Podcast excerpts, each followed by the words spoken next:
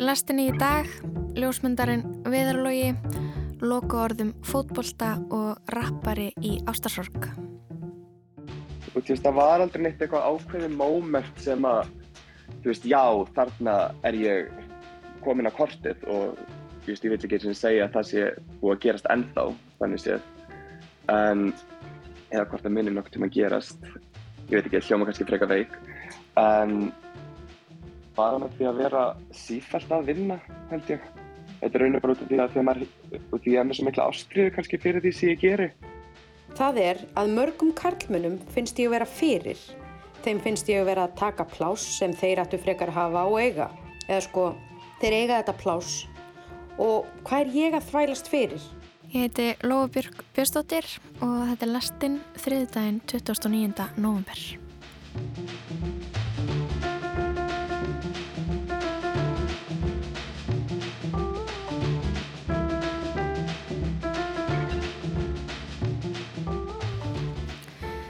Komið sæl, kæru hlustendur. Við ætlum að byrja þáttinn í dag á því að ræða við ungan listamann.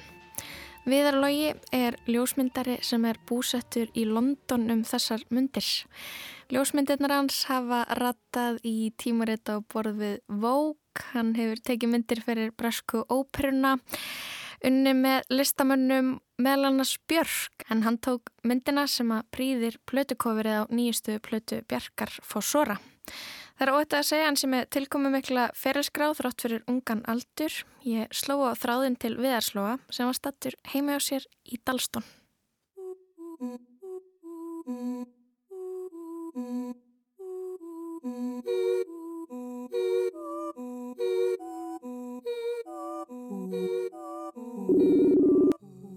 Halló? Halló? Hæ viðar, heyrðir í mér? Já, heyrðu þú ekki til mér? Já, ég heyr ágætli í þér. Ok, cool. Endilega láttu mér svo að vita hvað kom einhver skrítil hljóð. Ég sko, ég bý fyrir utan leikskóla og komið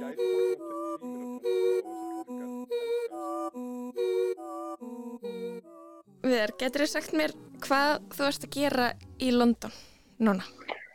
Uh, núna er ég, ég er sko bara nýkomin til London í rauninni. Ég er búin að vera þarna núna í tvo mánuði. Það er alltaf einhvern veginn að renna saman. Þess að ég er búin að segja núna tvo mánuði, kannski fjóra. En mm -hmm.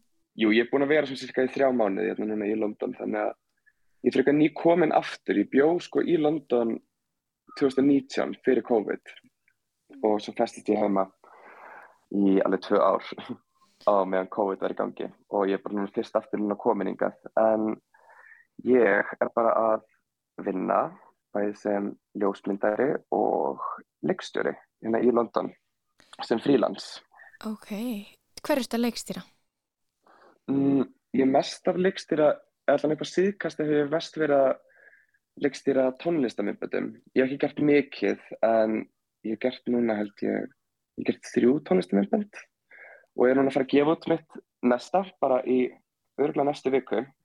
En síðan hef ég líka verið svolítið að leikstýra, ég veit ekki alveg hvað ég á að kalla þetta, hvort það myndir flokkast undir, þú veist, stuttmyndir eða ég held að kallist bara snippets á ennsku sem er rauninni bara, þú veist, moving images, sem er bara ljósmyndir sem er rauninni á hreyfing og ég hef verið að gera svolítið mikið af því líka og þá þannig rauninni byrjaði að hafa líka áhuga á kvikmyndum, eða rauninni ekki kvikmyndum, meira bara svona hreyfimyndum, ef það er kannski réttar orðið mm. og það er svona einhvern veginn þróaðist líka yfir í tónlistamindband, þannig ég, ég er frekar nýr í því en mér finnst það ótrúlega gaman.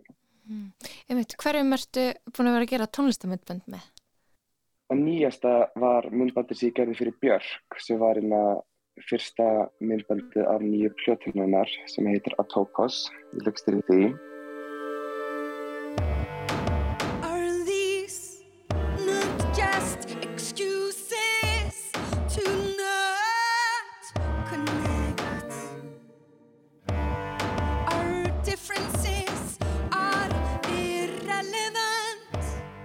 Alveg fyrir langa lungu eða veit ég, kannski ekki langa lungu á 2017 held ég þá leggstýði ég fyrir Mammut myndbandi Íslenska hljómsdýni Mammut Einmitt.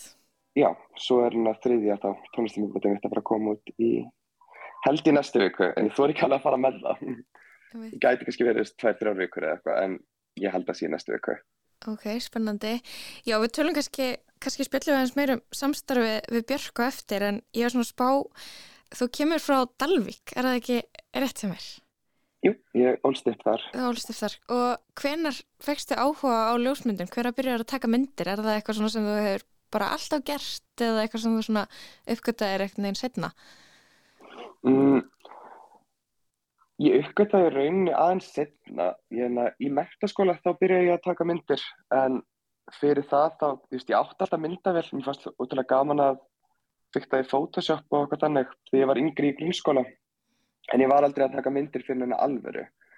En það í mektaskóla þá hérna þá er henni byrjað þetta. Mannstu, ég held að það hefði verið svona 2011 kannski 2012-2011 þegar Facebook var rauninni bara eins og Tinder.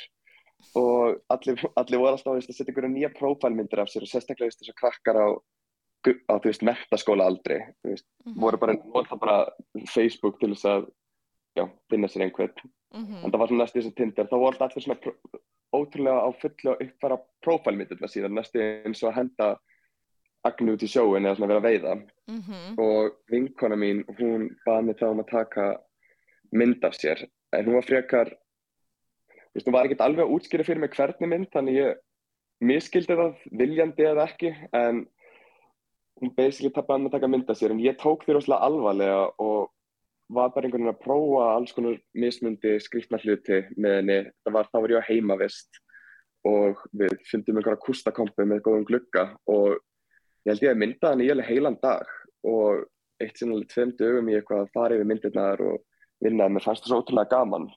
En það voru enga veginn Facebook, Tinder, hævar myndir, það var meira eitthvað mjög skrítið uh, experimental dæmi og svo setna meir við getum fyrir mér að þetta var alls ekki það sem var að leytast eftir.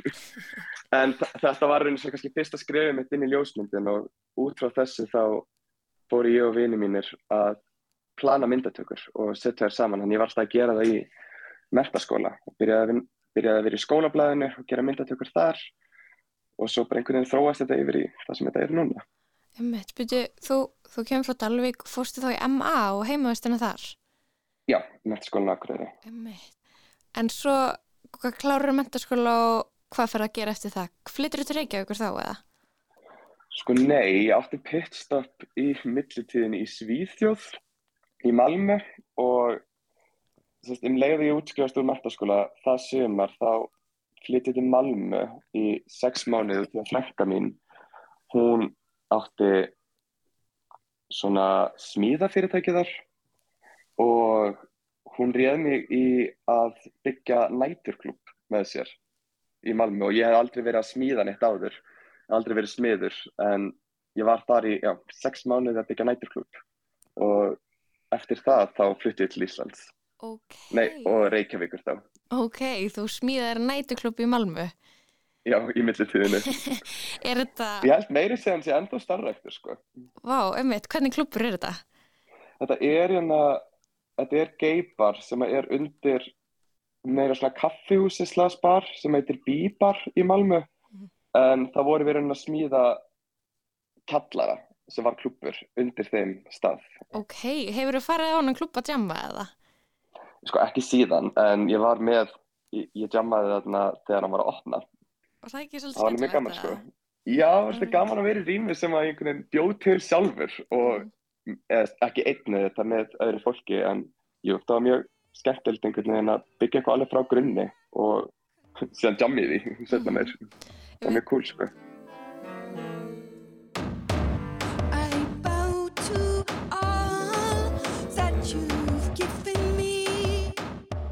Ertu búin að læra ljósmyndun eða ertu bara búin að eitthvað neginn kenna sjálfu þér? Uh, ég er eiginlega bara búin að kenna sjálfu mér, ég fór aldrei nám við það. Síðan að þú varst að taka þessar uh, uh, tilrönakendu Facebook prófálmyndir, þá er nú mjög mikið búið að gerast.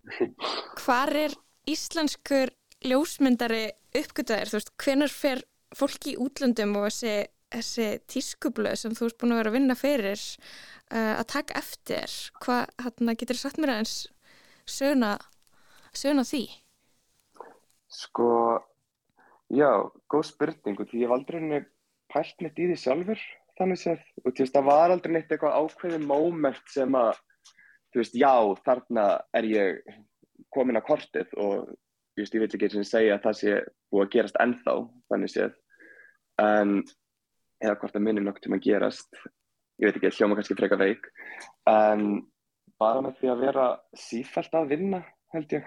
Þetta er raun og bara út af því að að maður, út af því að maður er svo mikla ástriðu kannski fyrir því sem ég geri og er sífælt að vinna í því þá bara einhvern veginn óvart koma sumi hlutirnir í kjálfarið en það er rauninni bara ótrúlega mikið vinna bak við þetta allt og mikil tími. Ég er rauninni búin að gera þetta í svona fyrir alvöru kannski svona í 7-8 ár núna. Mm -hmm. Þannig að, já, og kannski erlendi verkefnin komið freka bara út af því að ég var aldrei að fána einn verkefni á Íslandi. Og það var aldrei kannski svona mikið plass fyrir mig á Íslandi út af því að svona auglýsingalandskipið á Íslandi það er kannski ekki mikið plass fyrir svona fyrðulegar myndir eins og ég tek kannski. Þannig ég þurfti rosa mikið að leita erlendis til þess að fá, fá vinnuna mín að byrta í rauninni. Mm.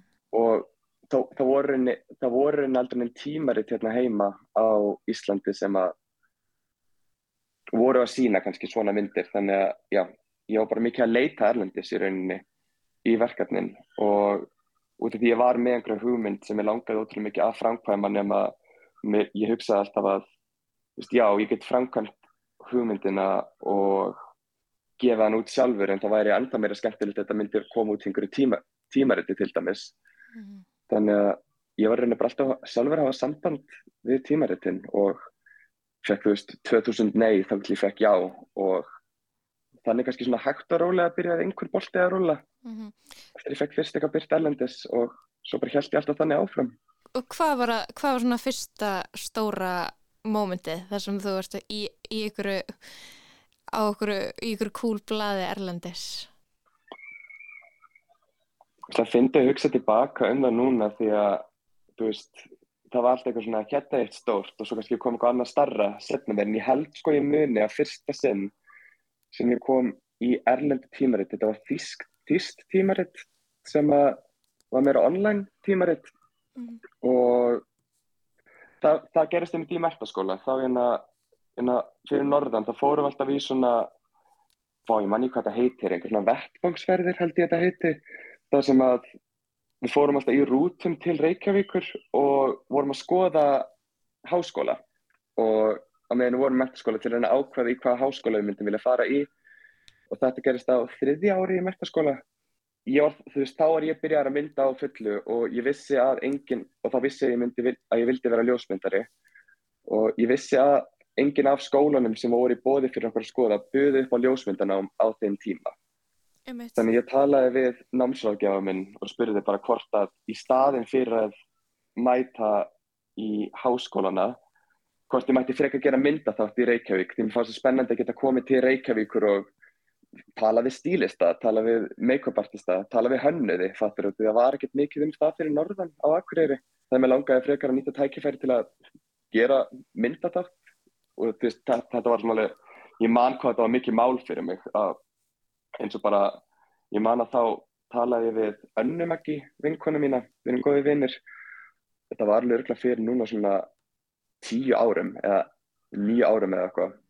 Og þá var hún að stíla sér að spurði ég hvort að hún geti verið stílisti fyrir myndátt sem ég vildi gera og ég mann fæst alveg ótrúlega cool að fá kjól frá Hildi Jómann í myndatáttin og fá hún að það mótel í myndatökuna. Og ég var bara í skíjónum með að fá að gera þetta. Aha. og það skuti við í Krísuvík fyrir utan Reykjavík og það sá myndatáttur kom út í tísku tímarétti og ég mann bara að var bara besta tilfinning í heiminum að fá þetta byrt og það var svona fyrsta erlenda byrtningin myndi ég segja wow. sem ég fekk að sá mynda þáttur uh. og ef ég leitið vel er þetta að finna hún á netinum hann, hann er mjög gammal og ég nota hann að kenda á, á mínu miðlum allavega en mér er ekki mjög vægt um hann En er þetta einhvern veginn ennþá svona þú veist, í þínu starfi sem ljósmyndari erst þú með pælingarnar og sínina fyrir myndaþátt og, og, og pizzar því í tímaritt eða er verið að hafa samband við þig og þú beðin um að skjóta eitthvað ákveðið? Mm, bara allir gangur á því í rauninu. Það er engin svona uppskrift eða formala fyrir hvernig hlutinni ganga fyrir sig í rauninu allavega í mínu tilfelli. Það getur bara komist úr alls konar áttum. ég er ekki mikið að pizza lengur, ég, ég er, ég er frekar heppin að nú eru tímaritin byrjað að hafa sambandi mig og ég fæ svolítið að velja sem ég er stærlega þvílik fórréttindi allan að núna.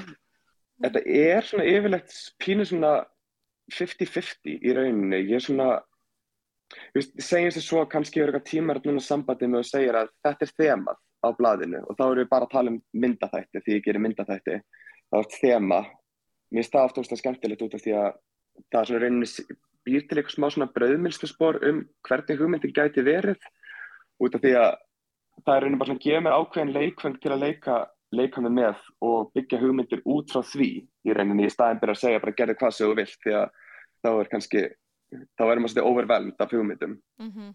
en að hafa þema þá er rauninni bara að gefa tímari, tímari til þema og ég bý til hugmynd út frá því en það þarf auðvitað að bera hugmyndirnar undir tímaritinn og fá já og nei og síðan er þetta líka mikið samvinna eins og með með hverju maður er að vinna með í myndahættinum eins og hvaða stílist það og svona. Mm -hmm. maður vil nota þeirra styrkleika líka. Ég er búin að vera að skoða eins myndidæginar og það, það er svona þú veist, maður er náttúrulega búin að sjá plötukórunar bjargar. En svo, svo sér maður líka í, í plötukórunu á Fossora að þetta er alveg þetta er alveg svona þinn stíl það er náttúrulega mjög mikil björk í þessu en það er líka mjög mikil viðarlogi hvernig, þú veist, ef þú ættir að lýsa ljósmyndinuðinum og lýsa stilniðinum og svona þinni fagurfræði, hvað hva leggur mest áherslu á? Takk fyrir um, Ég myndir henni bara að segja að þetta gerist óvart mm. um, ég er aldrei að reyna kannski að gera eitthvað svona já þetta verður að vera viðarlóðalegt eða eitthvað þannig að gerist alltaf bara alveg óvart hjá mér með myndirnar og sem ég finnst í rauninni gaman út af því að ég hef oft haldið út í verkefni sem að ég hugsa bara ok, þetta er svo enga veginn ég, ég skil ekki hvað ég er að gera, ákveður tók ég þetta að mér? En síðan óvart verður þetta alveg ég í, í lokin. Ég rauninni aldrei einbeta mér annað ákveðinu þegar ég fer í myndatökun þetta er bara alltaf hver og einu hugmynd fyrir sig. En þegar ég er að vinna með einhverjum eins og til dæmis Björk þá er þetta ekki bara mín hugmynd, þá er þetta margra manna hugmyndir mm -hmm. setta saman í eina mynd eða eitt verk og já, það sé kannski bara það útfærslan sem er kannski freka mikið ég á þessu mm -hmm. hvernig ég samina hugmyndir allra um, en nei, það, það er aldrei neina ákveðin áhersla held ég þegar ég er að taka myndir Eða, það er aldrei neitt markmið nema bara að útfæra hugmyndina sem við erum með eða sem ég er með og það verður alltaf bara óvart mm -hmm. eða viljandi í mínum stíltafi. Mm -hmm. Það kemur eitthvað inn í gegn en mann finnst eitthvað svona, ég allavega svona verkin sem þú velur að sína á síðuninu og á Instagram en svo erstu náttúrulega búin að gera miklu fleira sem er kannski ekkert endilega þar en það er svona allavega svona það sem maður svona upplifur og þú viljið svona leggja áherslu á það er svona litir og eitthvað svona líka líkamar minnst líka vera húmor í myndanuðinum þetta er bara, mm. er þetta bara svona kannski bara persónuleikin þinn að koma í gegn á þess að þú sést eitthvað endilagi ég er alltaf, ég er með hátt kontrast, ég vil hafa byrstu uh... Þetta sé ekki bara persónuleikin kannski að koma í gegn? Ég held kannski að húmórin koma svolítið mikið í gegn út af því að erum, það er alltaf svo gaman að setti mm -hmm. hjá okkur. Og þú veist, ég reyna alltaf að hafa eins marga vini og ég get á setti með mér, ég stilda með bestu vinnu minn Jón Albert, hann er verið með mér alveg meirinn helmingi öllum tökum síðan okkur sem hann gert. Og þetta eru alltaf reynir bara stand-up hver einasta, hvert einasta sett sem við erum á, bara brandarar og ég held að það bara leki svolítið inn í myndirnar inn að milli svona óvart smá húmor. Þannig að þið finnst alveg mikilvægt að einmitt vera með vinninum og, og þetta sé ekki bara alvaran og, og, og tískubransin heldur bara líka skemmtilegt. Já, í rauninu, þetta, þetta er ekkert alvarlegt, það er ekkert við þetta alvarlegt, við erum bara að taka myndir og við erum ekki að berga neina mannslífum eða neitt annað, ekkert við þetta er alvarlegt þannig að áhverjum ekki bara hafa ótrúlega gaman að þessu með við erum að gera þetta, það er rauninni pointið finnst mér frekar heldur en að það er óslægt skrítið að halda upp í myndatöku og, og hafa, hafa sér upp á líf og dauða, fattaru, mm -hmm. þetta er það ekki, þetta er, þetta er rauninni bara eitt stór brandari, fattaru, við erum að, við erum í dress-up leik allan tíman að gera einhverja fylgta hluti eða fylgta hugmyndir sem við erum í höstum að gera það að verða innverðleik þetta gæti ekki verið minna alvarlegt fattar ég mig, þannig að það er alveg sagt bara að hafa ótrúlega gaman að þessu við erum að gera þetta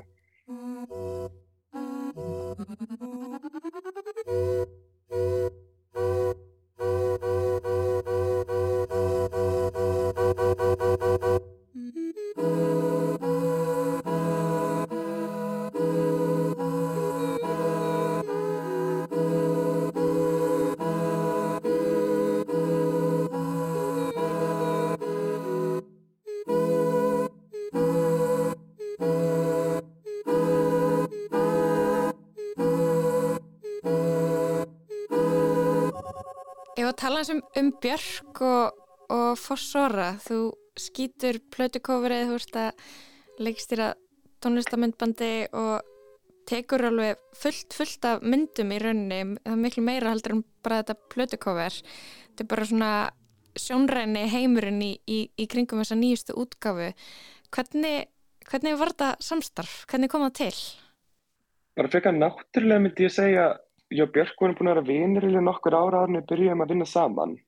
Og síðan einn daginn sendur mér bara sendur mér skilabóð og spyr mér hvort að ég vilja taka myndaði en ég er um ákveðnum kjól og ég veit að stekka á það. Við tökum myndina og svo var bara svo gaman þegar við vorum að mynda að við gerum aðra myndatöku og síðan aðra. Og þetta var rauninu svolítið svona að haldast í hönd í hönd við það að hún var að þróa þá heiminn í kringum nýja plötuna Fossora, svona visual heiminn og hver karakterinn er.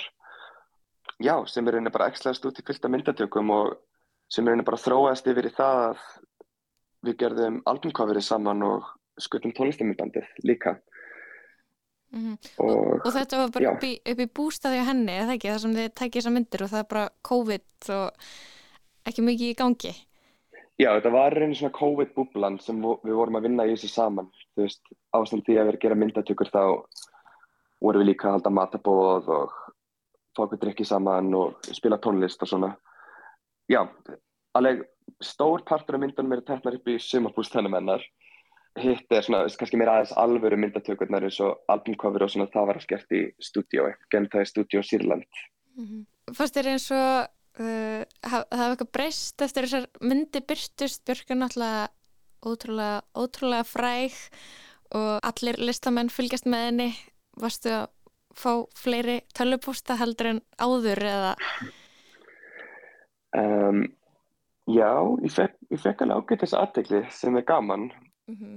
en ég undirbjóð mér sem alveg fyrir að bara hvað sem er geti gerst eftir að þetta kemur út en passaði líka bara að pæla ekki tó mikið í því. En jú, það, það er, alveg, þetta búið að vera alveg mjög skemmtilegt eftir að þetta kom út og mikið spennandi verkefnum sem er núna sem er núna allt í hennu í kringum mig sem er mjög gaman, sem ég er mjög þakkláttur fyrir og Var það, var það eitthvað tíman draumir höfður að vinna með Björk? Var það eitthvað sem þið lengi langaði að gera? Sko, alveg lúmskur, já mér hafðist að langa það þetta er alveg fyndið út af því að þú veist hvað fólk segir, segir bara, be careful what you wish for en ég var alltaf frekar humble með að hvernig ég hugsaði út í þetta. Ég hugsaði alltaf bara að það væri úrslega gaman eitt daginn að taka mynd af Björk út af því að ég elskar tónlistinnar. Og en síðan þegar við verðum náni vinir þá vildi ég sem alltaf virða það á þann hátt að ég var aldrei að ég var aldrei að neyta í að því að mér langaði að vinna með henni. Bara gerist frekar óvart. En já eins og segi, ég var alltaf frekar hambúl með að hugsa, já það væri gaman að fá að mynda. Björk eitt daginn, taka, taka henn að mynda af henni svo einhvern veginn breytti snjóbolt inn í snóflóð þarna og Já, þú veist ekki eitthvað neina svona að reyna að íta þér inn og því að þú þekktir henn að þá eitthvað svona herri ég ætla, að stökka á þetta og reyna Nei, alls ekki. Já, ég skil þig, um mitt og gaman. Um, samstarfið ykkar, hvernig er það þegar maður fyrir svona að, teikna upp hvernig svona myndatæka á, á að vera? Hver, hver er hugmyndavinnan? Er þú svona mm. að, að reyna að fylgja eftir hennar listrænu sín eða kemur þú með þína alveg mikið að borðinu og, og þína pælingar? Ég held að sé bara bæði í rauninni, sérstaklega þegar kemur að myndatökunum.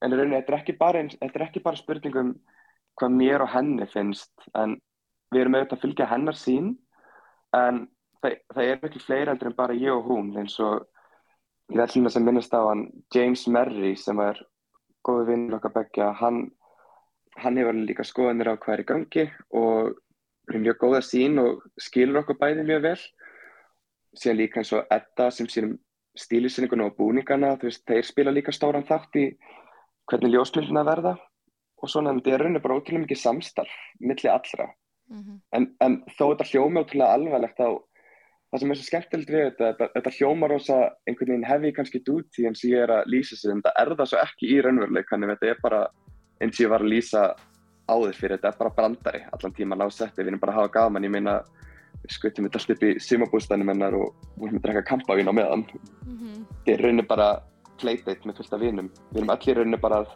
koma fullt af hluti á borðið sem að gera myndinar því sem þeir eru.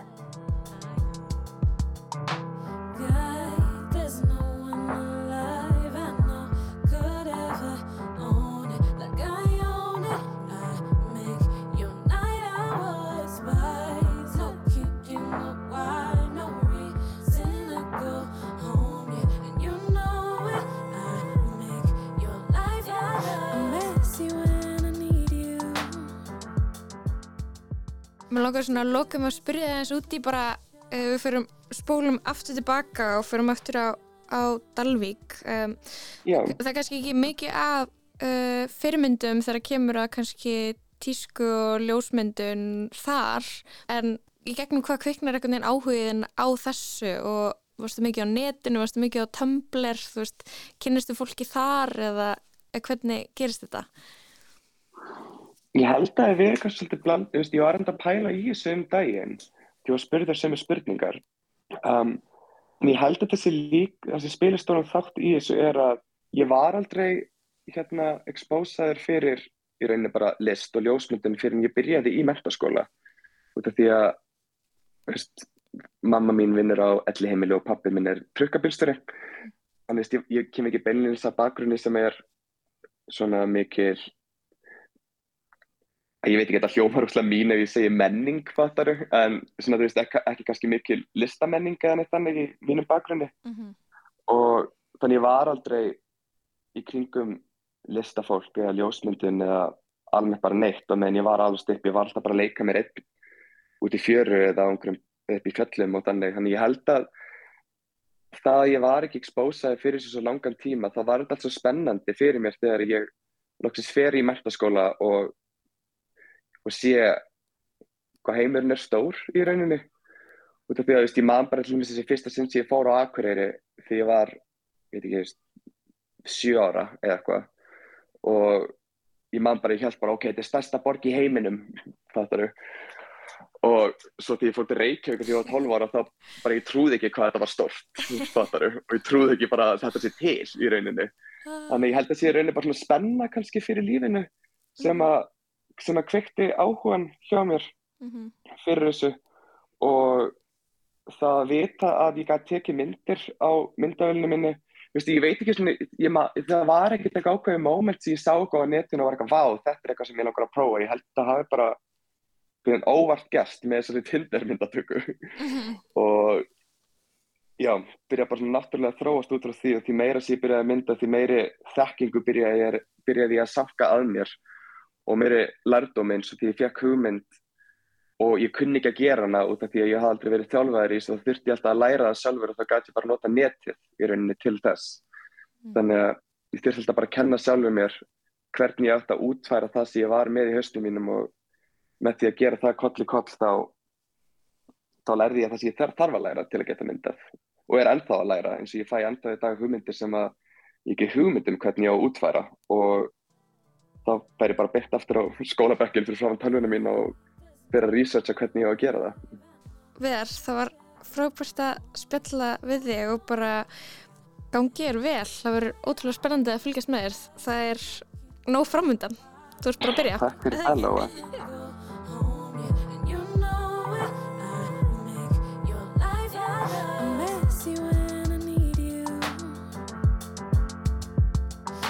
in this house your smile.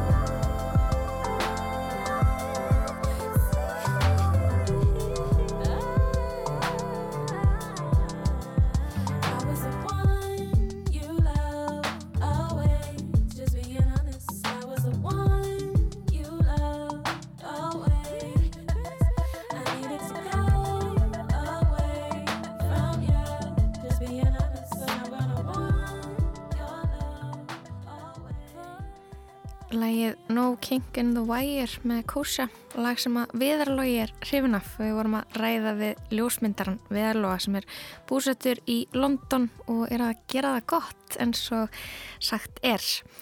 Við ætlum næst hér í lestinni að hlýða á pistil eftir Viktoríu Blöndal, svislistakonu, sem hefur verið með pistla um fótbolta ást hjá okkur undarvarnar vikur. Þetta er hennar fjörði og senasti pistill. Við gefum Viktoríu orðið.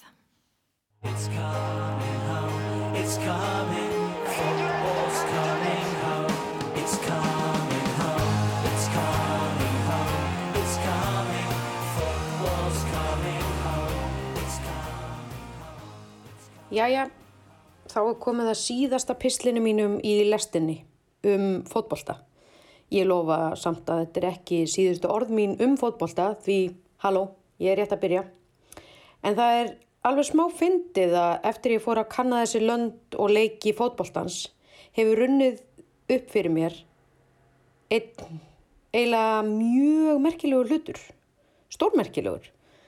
Það er að mörgum karlmönnum finnst ég að vera fyrir. Þeim finnst ég að vera að taka pláss sem þeir ættu frekar hafa og eiga. Eða sko, þeir eiga þetta pláss og hvað er ég að þvælast fyrir? Mér finnst það bæði pínlegt og fallegt. Þessir menn og drengir sem ég er að tala um finnst ég vera mjög uppóþrengjandi og finnst ég ekki ætti að meiga að tala um fótbolta vegna þess að til dæmis ég horfi ekki á leiki hverja helgi. Ég fer ekki nægilega oft á völlin og ég æfi ekki fótbolta svona almennt. Ég næ heldur ekki að neymdroppa leikmönnum, liðum eða markatölum, bara svona kvispam búm. Ég er ekki nægilega vel að mér í boltanum, fatti. Ég er of kátísk til að fjalla línulegum fótbolta og allt og óþjólamóð til að lesa mig til um tiltekki mark eða bla bla bla. Hver skoraði þetta árið eða bla bla bla.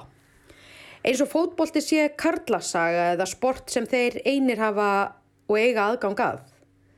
Það er líka það sem ég finnst merkilegt er að eftir ég fór og fullt að skoða þetta þá er þetta leifi sem menn gefa sér.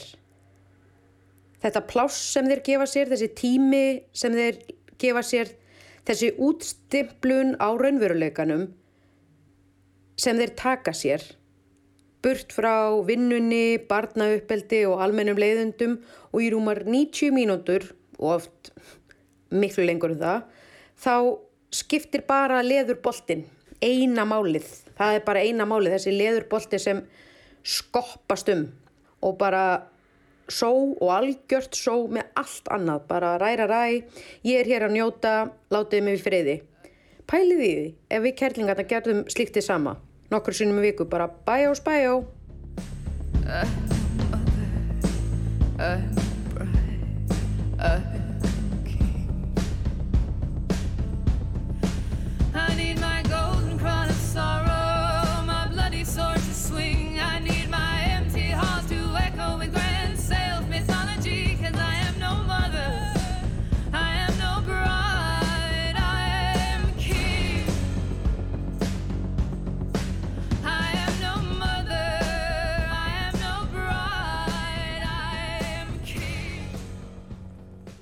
En síðasti viðmælandi minn er Páll Gísli Jónsson. Palli er skagamaður. Hann hefur lagt markmannshanskan á hilluna á samt skónum sínum. Hann fylgist ekki eins og með fótbolta lengur nema þegar dóttir hans er að spila. Þessi pistill e, verður örlítið frábrugðin hinnum þremur vegna þess að inn á borð til mín kom ábending um að tjá mig meira. Ég var alltaf einhvern veginn að reyna að taka aðeins minna pláss eins og kjallinga gera þannig að við heyrum aðeins meira í mér og Palla í bland. Það fer ekkert minni tími það að þjálfa heldur en að æfa þetta sjálfur sko. Þannig að svona þegar þetta fór að læðast í hausinn á manni þá fór maður að fá pínu móral og saminskupið sem að orsaka það að maður hafði ekki jafn gaman að þessu eins og áður. Þannig að þessu var eiginlega bara svona sjálfhætt já, fyrir tveim árum síðan, þreim árum síðan. Þá var maður eiginlega bara komið með algjört ógeð á þessu öllu saman. Og nú ertu bara alveg hættur. Já, nú bara kem ég ekki nálat fótbolta á neitt hátt nema það að ég fer að horfa á dóttir mín að keppa og, og, og mæti á heimaleiki í að horfa ekki einu sinni í sjóorpunu sko. Það var aldrei neitt markmið hjá mér að vera aðturum maður í fótbolta sko. Þó svo maður hafi, maður fór út í eitt skipti og æfði hjá liði í Breitlandi og, og, veist, það var á þeim tíma sem að sko, aðstæður og aðbúnaður ungra leikmanna var vægasagt skraudlegur hjá mörgum félagum í Breitlandi. Mönnum var hrúa kannski 12-15 strákum saman í eitt lítið típist bresta raðhús og, og þar megu þeir framhjá á teppalagt klósettið á baðbygginu og, og allt frekar úkislegt sko. Þannig að það heillaði mig ekki allavega. Þannig að þú, þú samt stegst einhver smá skref þarna. Já, já, við, ég fór út þarna og, og, æfði þarna í viku eða tíu daga eða eitthvað og, og eiginlega hugsaði ég með mig þegar ég kom heim. Þá var ég reynda bara, ég held ég að verið 16 ára eða eitthvað sko. Þá hugsaði ég, nei, þetta er ekki eitthvað fyrir mig, ekki þetta sko. Þannig að, þú veist, en svo bara einhvern veginn tók lífið bara við og, og maður bara var komið í fjölskyldu, fyrst eitt barn og svo tvö og svo þrjú og, og maður var bara í því einhvern veginn og ekkert með hugan við það að að vera einhver að vera einhver atvinnum að sko. Ég veist svo sík hvort maður hafði haft einhverja hæfilega í það eða ekki sko en, en maður var allan að var í öllum þessum yngirlandsliðum á sínum tíma og, og, mögulega ef maður hefði viljað það og sóst kannski fastar eftir því hefði maður kannski komið sér á reynslu eitthvert ef maður hefði haft samband við einhver umbósmenn og, og eitthvað þannig en það var bara einhvern veginn það kvartlaði heila bara aldrei að mér sko.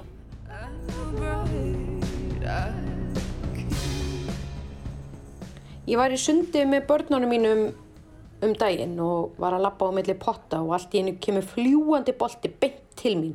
Einhver krakka lús hafði verið að kasta honum í körfuna en hann hafði hoppað upp á bakkan og hann lendi beint hjá mér. Ég hálf nakin, samt auðvitað í sundfötum, en samt svona hot mom sundból frá mjög dýrumerki. Boltin kemur á flegiferð til mín og ég sparki hann og ég hitti hann fáránlega vel, beint á ristina og frá heita pottunum. Sko, litli kvítipotturinn í vesturbæðilöginni, þá neldi ég honum yfir stóru sundlöginu og grasið hinum einn. Sko, vá, mér leiði svo stórstjörnu. Það tók eiginlega enginn eftir og enginn sagði neitt við mig og það klappaði enginn eða neitt. Og þá fór ég allt ín að pæla, skiptir það kannski bara máli? Þegar allir hægt að klappa og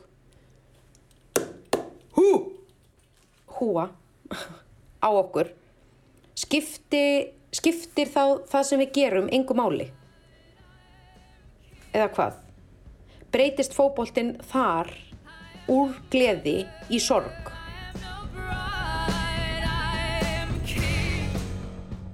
En hérna núna, svona vinahópurinn þinn uh, og, og fólki í kringu þig núna, þú veist, eru þið heldur ekki að tala um fótbolta?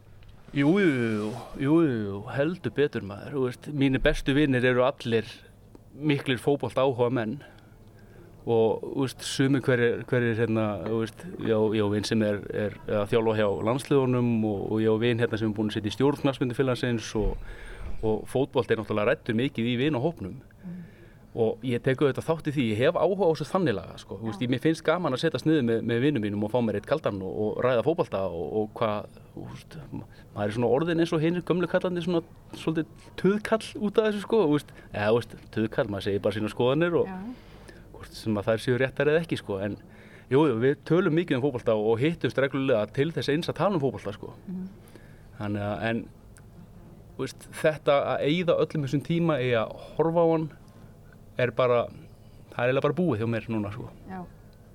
kannski, og kannski kviknar þetta einhvern veginn aftur að maður liggi hérna yfir ennska boltanum alla lögadaga og sunnudaga og, og meistardildin í miðri viku og þetta allt saman sko.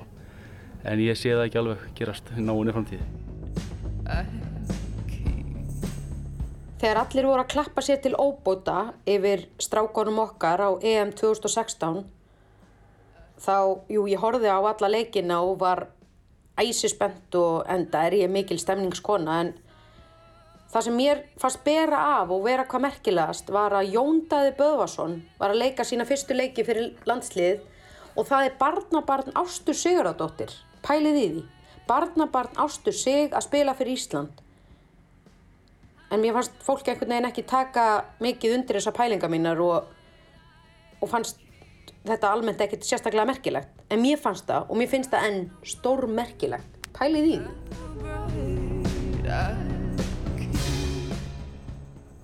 Þannig að þín meðmæli er þegar fólk eh, finnur að það er komið nóg, það ætti það að stoppa. Já, það eru mín meðmáli og ég held að ég bara við í öllu, ekki bara í íþróttum heldur bara almennt í lífinu sé sko. Já, að bara stoppa og snúa svona einhver öðru þegar, þegar þetta er komið upp í þakk sko. Já, hljómar, þetta hljómaði svo góð. Já, Takk fyrir. ekki máli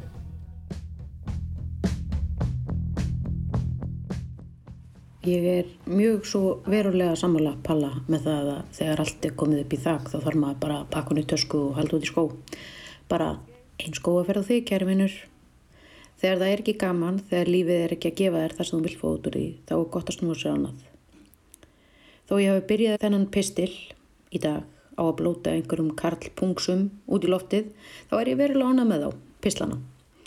Þeir eru það sem þeir eru og þeir komu vel út. Ég hef heyrt frá algjörum svona anti-fótbolta manneskjum að, að þeir hafi verið bæði fróðulegir og skemmtilegir og það er vel.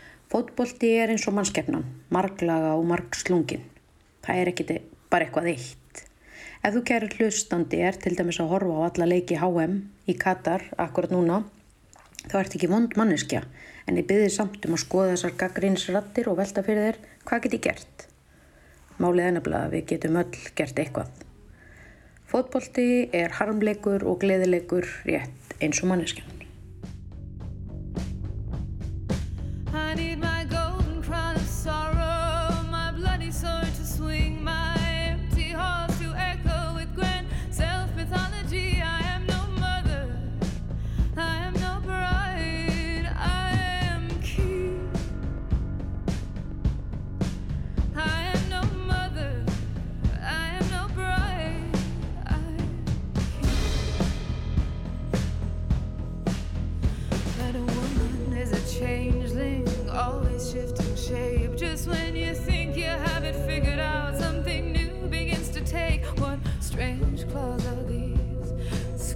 At my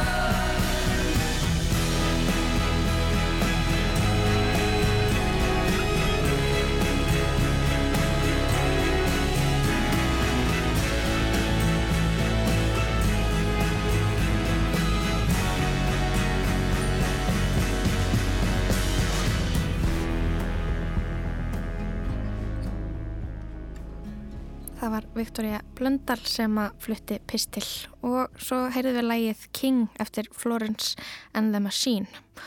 Og við ætlum að heyra hans meira af breskri tónlist. Rapparinn Stormzy sendi á dögunum frá sér nýja plötu. Og fyrsta lægið af plötunni heitir Fire plus Water og er rúmar 8 mínútur. Við ætlum að heyra smá af því. It's probably best we wait. It's probably best we found a fire from this perfect match to burn us to the ground. And even though it's cold outside,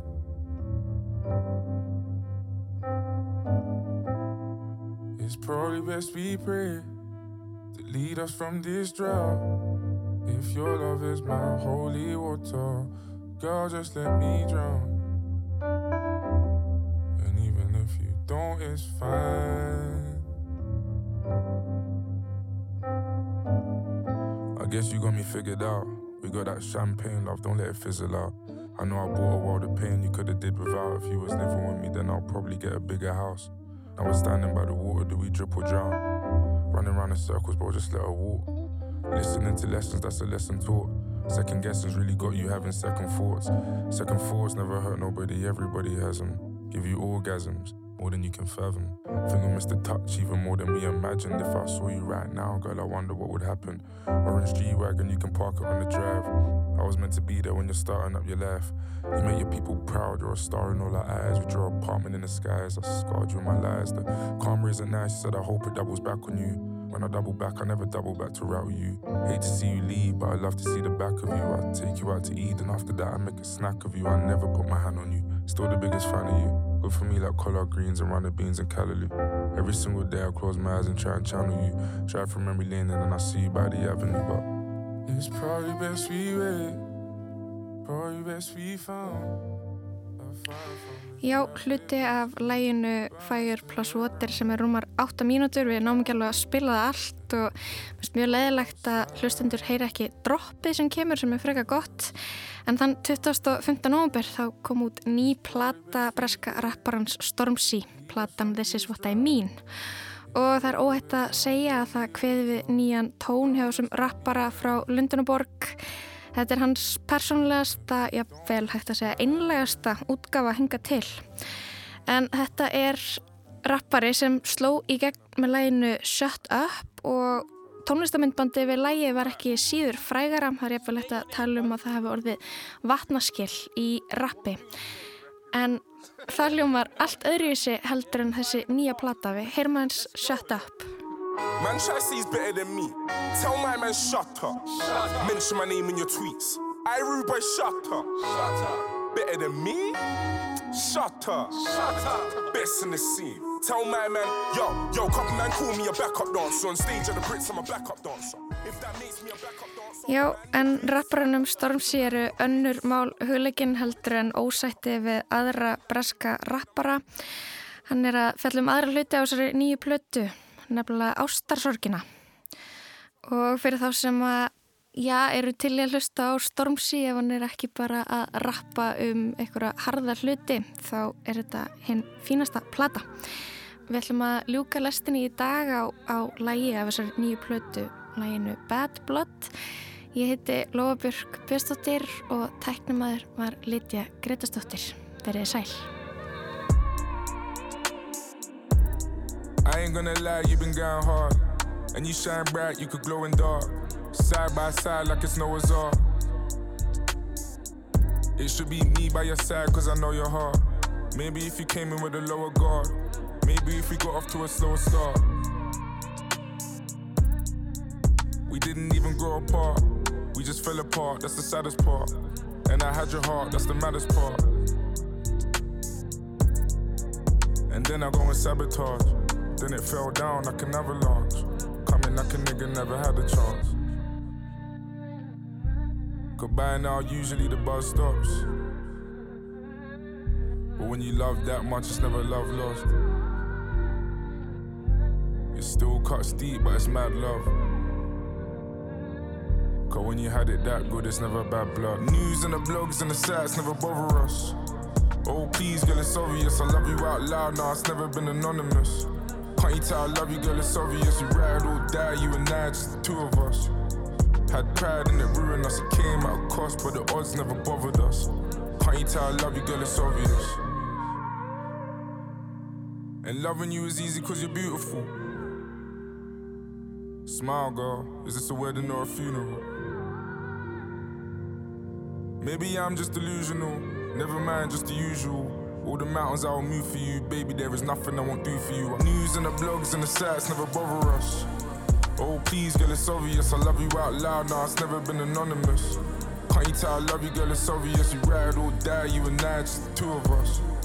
Had pride and it ruined us. It came at a cost, but the odds never bothered us. Can't you tell I love you, girl? It's obvious. Head high, but we waist deep. We're basically living on the same street. I could still slide round on a late creek. Done is fuck, it's been a great week. Go, we make love just to make peace. Go, we make love like we hate sleep. I do anything for you cause you're my main squeeze. Anything for you because you stay G. A promise is a promise that I will keep. And it still cuts deep, but it's mad love. Cause when you had it that good, it's never bad blood. News and the blogs and the sites never bother us. Oh, please, girl, it's obvious. I love you out loud now, it's never been anonymous. Can't you tell I love you, girl, it's obvious. You ride or die, you and I, just the two of us. Had pride and it ruined us. It came at a cost, but the odds never bothered us. Can't you tell I love you, girl, it's obvious.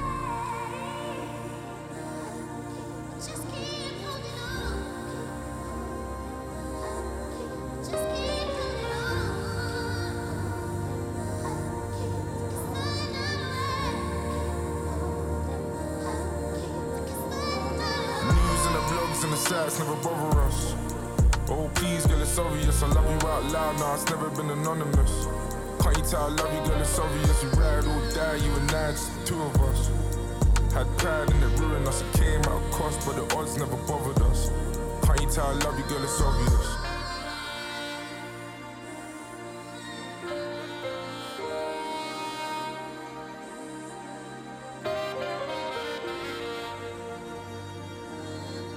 Cuts deep, but it's mad love. Cause when you had it that good, it's never bad blood.